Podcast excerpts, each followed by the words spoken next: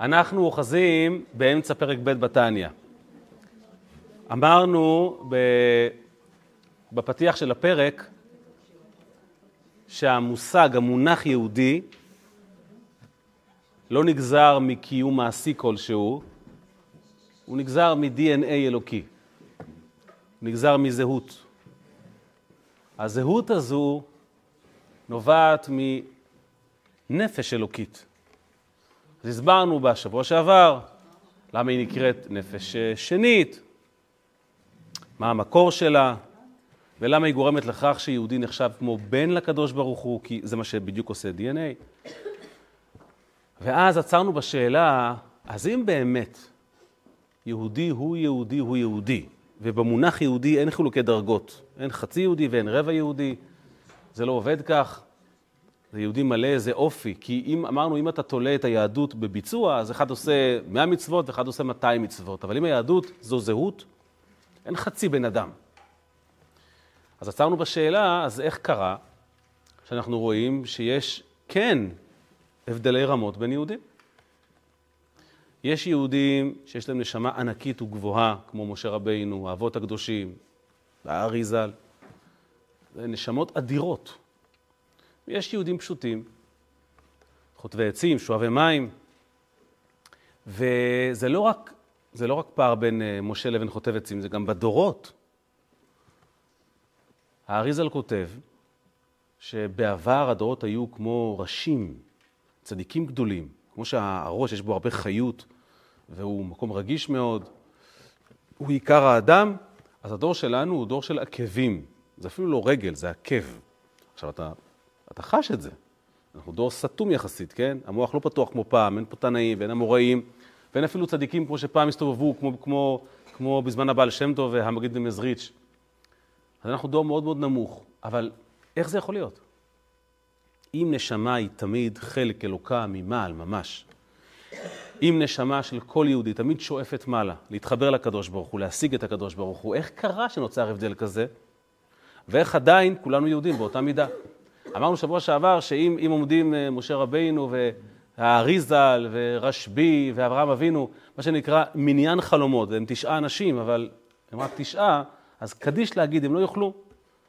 ואז פתאום נכנס כזה יוצמח כמוני ואומר, שלום, ערב טוב, הנה יש להם עכשיו עשרה אנשים. אז זה מראה שיהודי הוא יהודי. מאיפה זה נובע?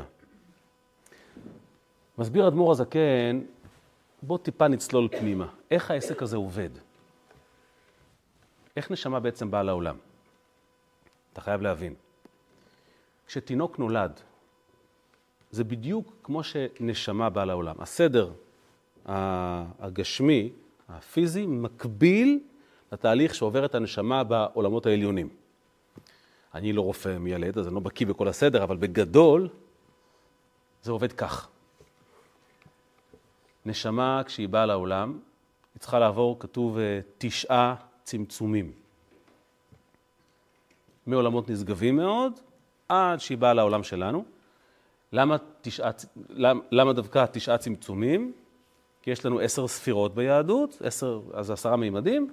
הנשמה עוברת אה, ממימד למימד, ואז אחרי שהיא עוברת על פני אה, תשע ספירות, אז היא יוצאת לפועל, הנשמה. זאת אומרת, אם היינו יכולים לעקוב אחרי תהליך של אה, אה, לידת נשמה, אז כשהיא עוברת בין הספירות, חוכמה לבינה, לדעת, אז אנחנו לא רואים שום דבר, כמו ש... כמו ש... כשה, כשה, כשהתינוק עוד לא בוקע מהאימא, אתה לא רואה שום דבר. אם יש לך אולטרסאונד, אתה רואה שמשהו קורה בפנים. כך, כשהנשמה מתגלגלת כפוטנציאל בין הספירות, משהו קורה שם, אבל זה עוד לא נשמה. ואז, אחרי תשע ספירות, היא בוקעת בספירת המלכות. ספירת המלכות נקראת נקבה, נקראת אישה, שם הנשמה נולדת. נוצרה נשמה. יש לה פתאום זהות. היא חלק אלוקה ממעל. היא לא הקדוש ברוך הוא, היא חלק אלוקה ממעל. בגלל שנשמה עוברת תשע ספירות כדי להיוולד בספירה העשירית, זו הסיבה שכל ילד, שכל לידה אורכת תשעה חודשים. זה מקביל בדיוק לתהליך הרוחני. אם נלך... מה, מה? כשהיא, ב, בוודאי, כי היא חלק אלוקה ממעל. לפני הצמצום, היא מאוחדת עם הקדוש ברוך הוא לגמרי. תכף אנחנו ניגע בזה. אגב, אם אתם רוצות ללכת יותר אחורה, אל הפרה-היסטוריה של הילד שנולד, זה מתחיל בכך שהגבר אומר לאישה, הרי את מקודשת לי בית הבת זו כדת משה וישראל. תשע מילים. וואו. כן. למה תשע מילים? זה התהליך הראשוני של הייחוד ביניהם.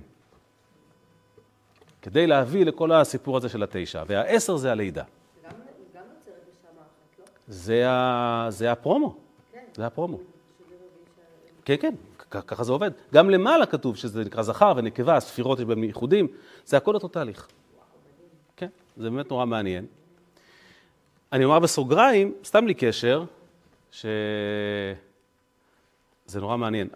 האדמו"ר הזה, כן, בעל התניא, כתוב שהוריו התקשו להביא אותו לעולם, לקח זמן, היה צריך ברכה מיוחדת, וכתוב בספרים שהרבי הרייץ כותב שנשמה כזו מיוחדת הייתה, הייתה צריכה לעבור יותר זמן עיבור כדי להיוולד. כן. זאת אומרת, גם שם יש מה שנקרא, גם למעלה יש מה שנקרא מקרים מיוחדים, פגייה, טיפול נמרץ. אני כמובן צוחק, זה תהליכים אחרים. בכל מקרה, אז מה אני רוצה לומר? אז נשמה, כדי שהיא תיוולד ותיווצר, יש תהליך שלם. כמו שיש פה, יש גם למעלה. למה צריכים את כל התהליך הזה? אני פשוט לא נולדת. כי זה לא עובד ככה. למה? איפה מתחיל המסע הראשון של הנשמה? איפה היא נמצאת לפני שהיא התחילה את המסע בכלל? היא מתחילה כחלק מהאבא. יש לנו אבא. אני אומר נשמה זה גם ילד, כן? אנחנו תמיד חוזרים חזרה, אנחנו תמיד קופצים בין הילד לבין הנשמה. ילד, לפני שהוא נולד, לפני שאבא התחתן, איפה הוא? הוא חלק אורגני, הוא חלק מהאבא. אתה לא, אם תחפש טוב טוב בתוך האבא, לא תמצא ילד. הוא חלק ממנו. קוראים לזה טיפת מוח האב. זה לא טיפה שיושבת בתוך המוח. המוח הוא, מר... הוא הרי מרכז האדם, נכון?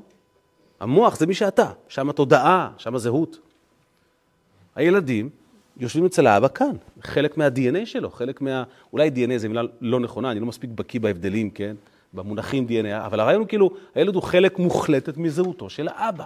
עכשיו, לך תוציא מתוך האבא משהו, פוטנציאל שיהפוך לילד. זה תהליך.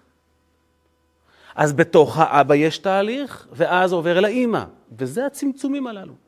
קודם כל להפוך את זה ממשהו רוחני, מיכולת נפשית, כי הרי זה לא רק גוף, להפוך את זה מאיזה פוטנציאל לטיפה גשמית, ואז האמא הופכת את זה לילד במשך תשעה חודשים. גם למעלה זה כך. הנשמה בשורשה במקורה היא ממש חלק מהקדוש ברוך הוא. אתה לא, לא תוכל להבדיל, לא תוכל לחפש נשמה, זה רק, רק הקדוש ברוך הוא קיים. זה בספירת החוכמה, זה נקרא אבא. כדי להוציא משם משהו וליצור נשמה נפרדת, זה תהליך. זה לצמצם ולצמצם ולהלביש לזה מעטה וגוף ואישיות, כדי שזה יצא לפועל. התהליך הזה חשוב כי בסופו מה קורה? אה, קיבלנו ילד. עכשיו, הילד הזה, אחרי כל התהליכים, הוא נושא את הגנים והוא נושא זהות ממש ממש קרובה לאבא, אבל מה מעניין? איפה התחיל המסע? במוח של האבא. אבל הילד הוא לא רק מוח. התהווה מוח של ילד, אבל, אבל מה, מהמוח הזה יצאו גם ידיים ורגליים. חלק מהצמצום, כן? בוא נאמר ככה, אם לא היה צמצום, הייתי הולך, מה שנקרא מההתחלה, שולף מהמוח של האבא את, ה, את, ה, את היכולת הזו. מה היה לי ביד? אולי מוח של יילד, מקסימום, אבל לא ילד. חלק מהתהליך של הצמצום זה לאפשר למוח הזה ליצור עוד ועוד ועוד ועוד כל מיני יישומים, ידיים, רגליים, לב, כדי שיהיה ילד שלם. במילים אחרות, אומר הרבי, תנסה להסתכל על, על, על, על, על, על עם ישראל כמו ילד אחד גדול. אנחנו בן של הקדוש ברוך הוא, בני בכורי ישראל. כולנו התחלנו את המסע כביכול מחוכמתו, ממוחו כביכול של הקדוש ברוך הוא. אין לו מוח כמובן, אלא מדרגה שנקראת חוכמה, ששם אנחנו מאוחדים איתו בתכלית. ואז החל מסע של צמצום. מה המטרה של הצמצום? ליצור ילד. ילד מורכב ממוח ובמקביל גם מכפות רגליים. אז המוח, משה רבינו, האריזה, רשב"י, אדמו"ר הזקן, וכפות הרגליים, זה אנחנו. אבל זה אותו ילד. אין שום נקודה שאתה יכול להצביע ולומר, זה פחות ילד. לא נכון. כל חלק מהילד הגיע מאותה נקודת מוצא, המוח של האבא. נכון שזה עבר קודם כל למוח של הבן, מה שנקרא מרכז השליטה והעצבים, אבל בסופו של דבר זה הכל הילד. וזה מבנה שלם של ילד. ולכן, נכון שיש נשמות גבוהות מאוד, וההשגה שלהם היא מבהילה ומפחידה ממש.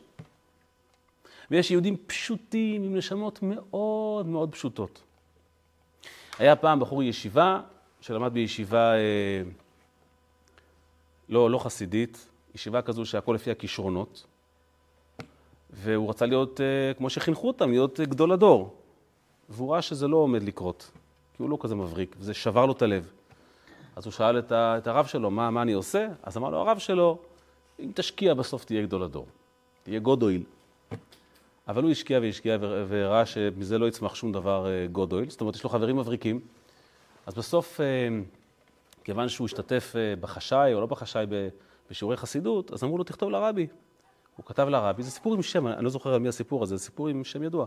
הוא כתב לרבי, והרבי ענה לו שכישרון נובע משורש הנשמה. ושורש הנשמה זה אומר, מה הייעוד שלך? מי אמר שייעודך הוא להיות גדול הדור? לפי מה יודעים אם יש לפי הכישרון. הכישרון מעיד על הטיה נפשית. אז מה אנחנו בעצם רואים פה? אנחנו רואים פה שאין הבדל מהותי בין משה רבינו לאחרון היהודים. שניהם חלק מאותו ילד. ששניהם החלו את המסע מאותה נקודה. אם תריץ את הסרט לאחור, אתה תגלה שמשה רבינו ואחרון היהודים, קל שבקלים.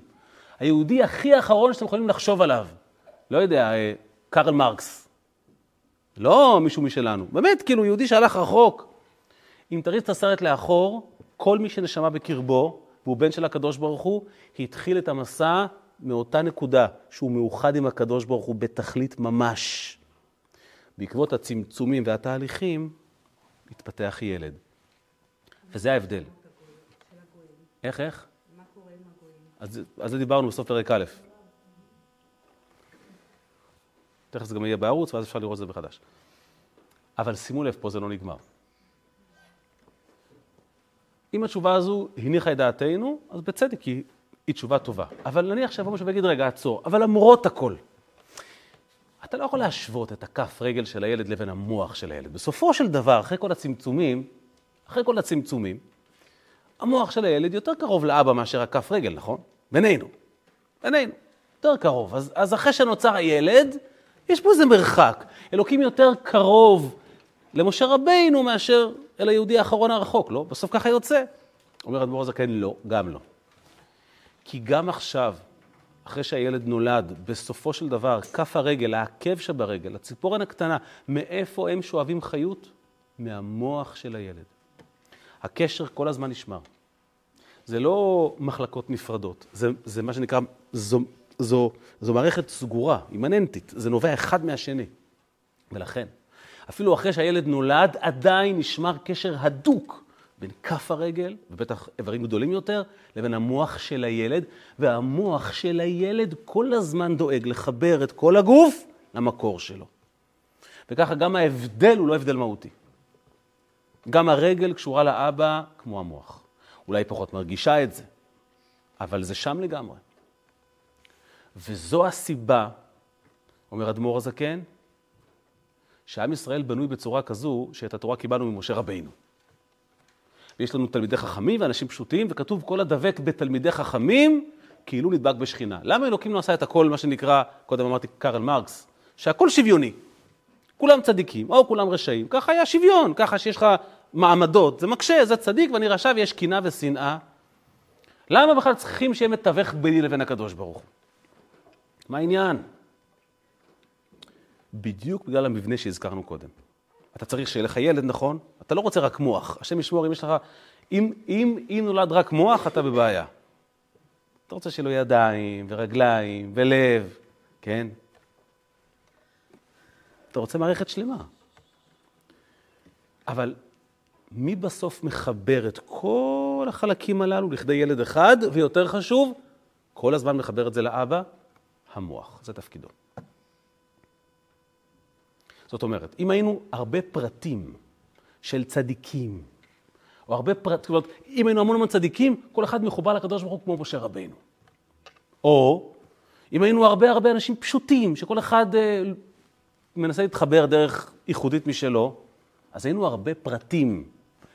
אתה רוצה ילד שיש לו הרבה פרטים? אתה רוצה שיהיה לך אצבע של ילד ועין של ילד? השם ישמור, אתה רוצה ילד.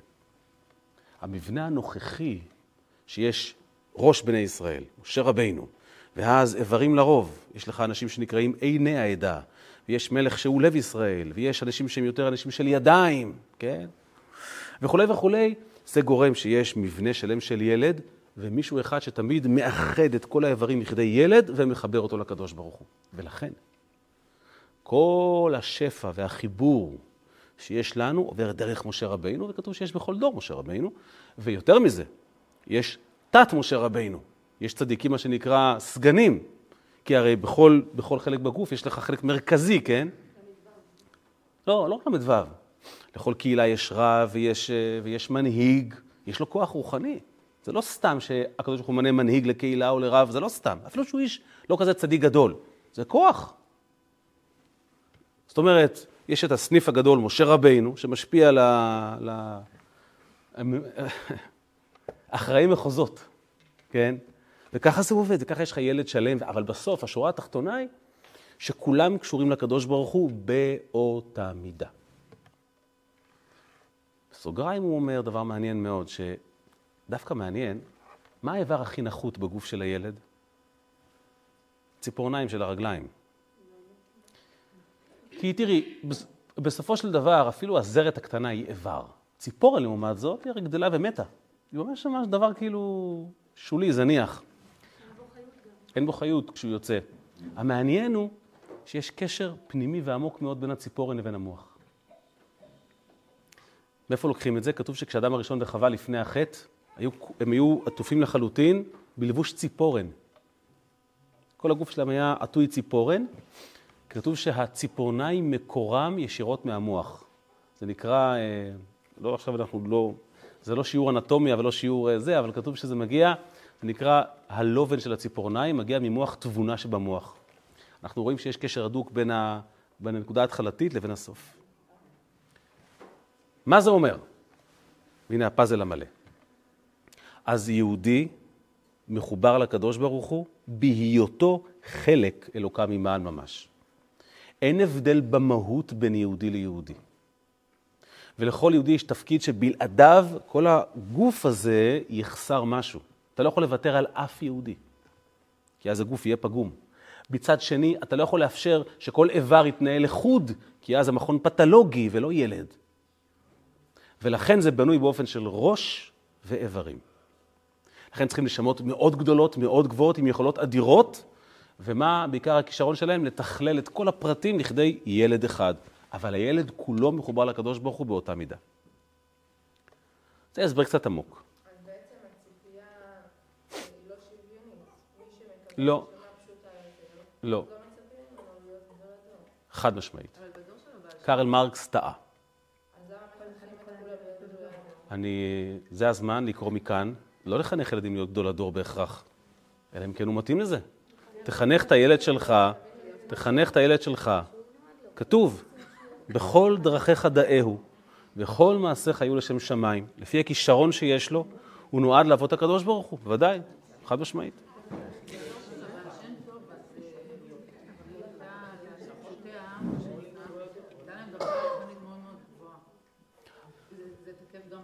אני אגיד לך משהו, אני אסיים ואז אנחנו נדבר על זה, רק לסיום. מה מעניין? אחרי כל מה שאמרתי עד עכשיו, מה החלק של ההורים בסיפור? זאת אומרת, הבנו, יש ליהודי שתי נפשות, נפש אחת בהמית, בסדר? עוד, אה, עוד נשוב אליה, נפש אלוקית שמגדירה אותו כיהודי, ואת זה הוא מקבל מהקדוש ברוך הוא.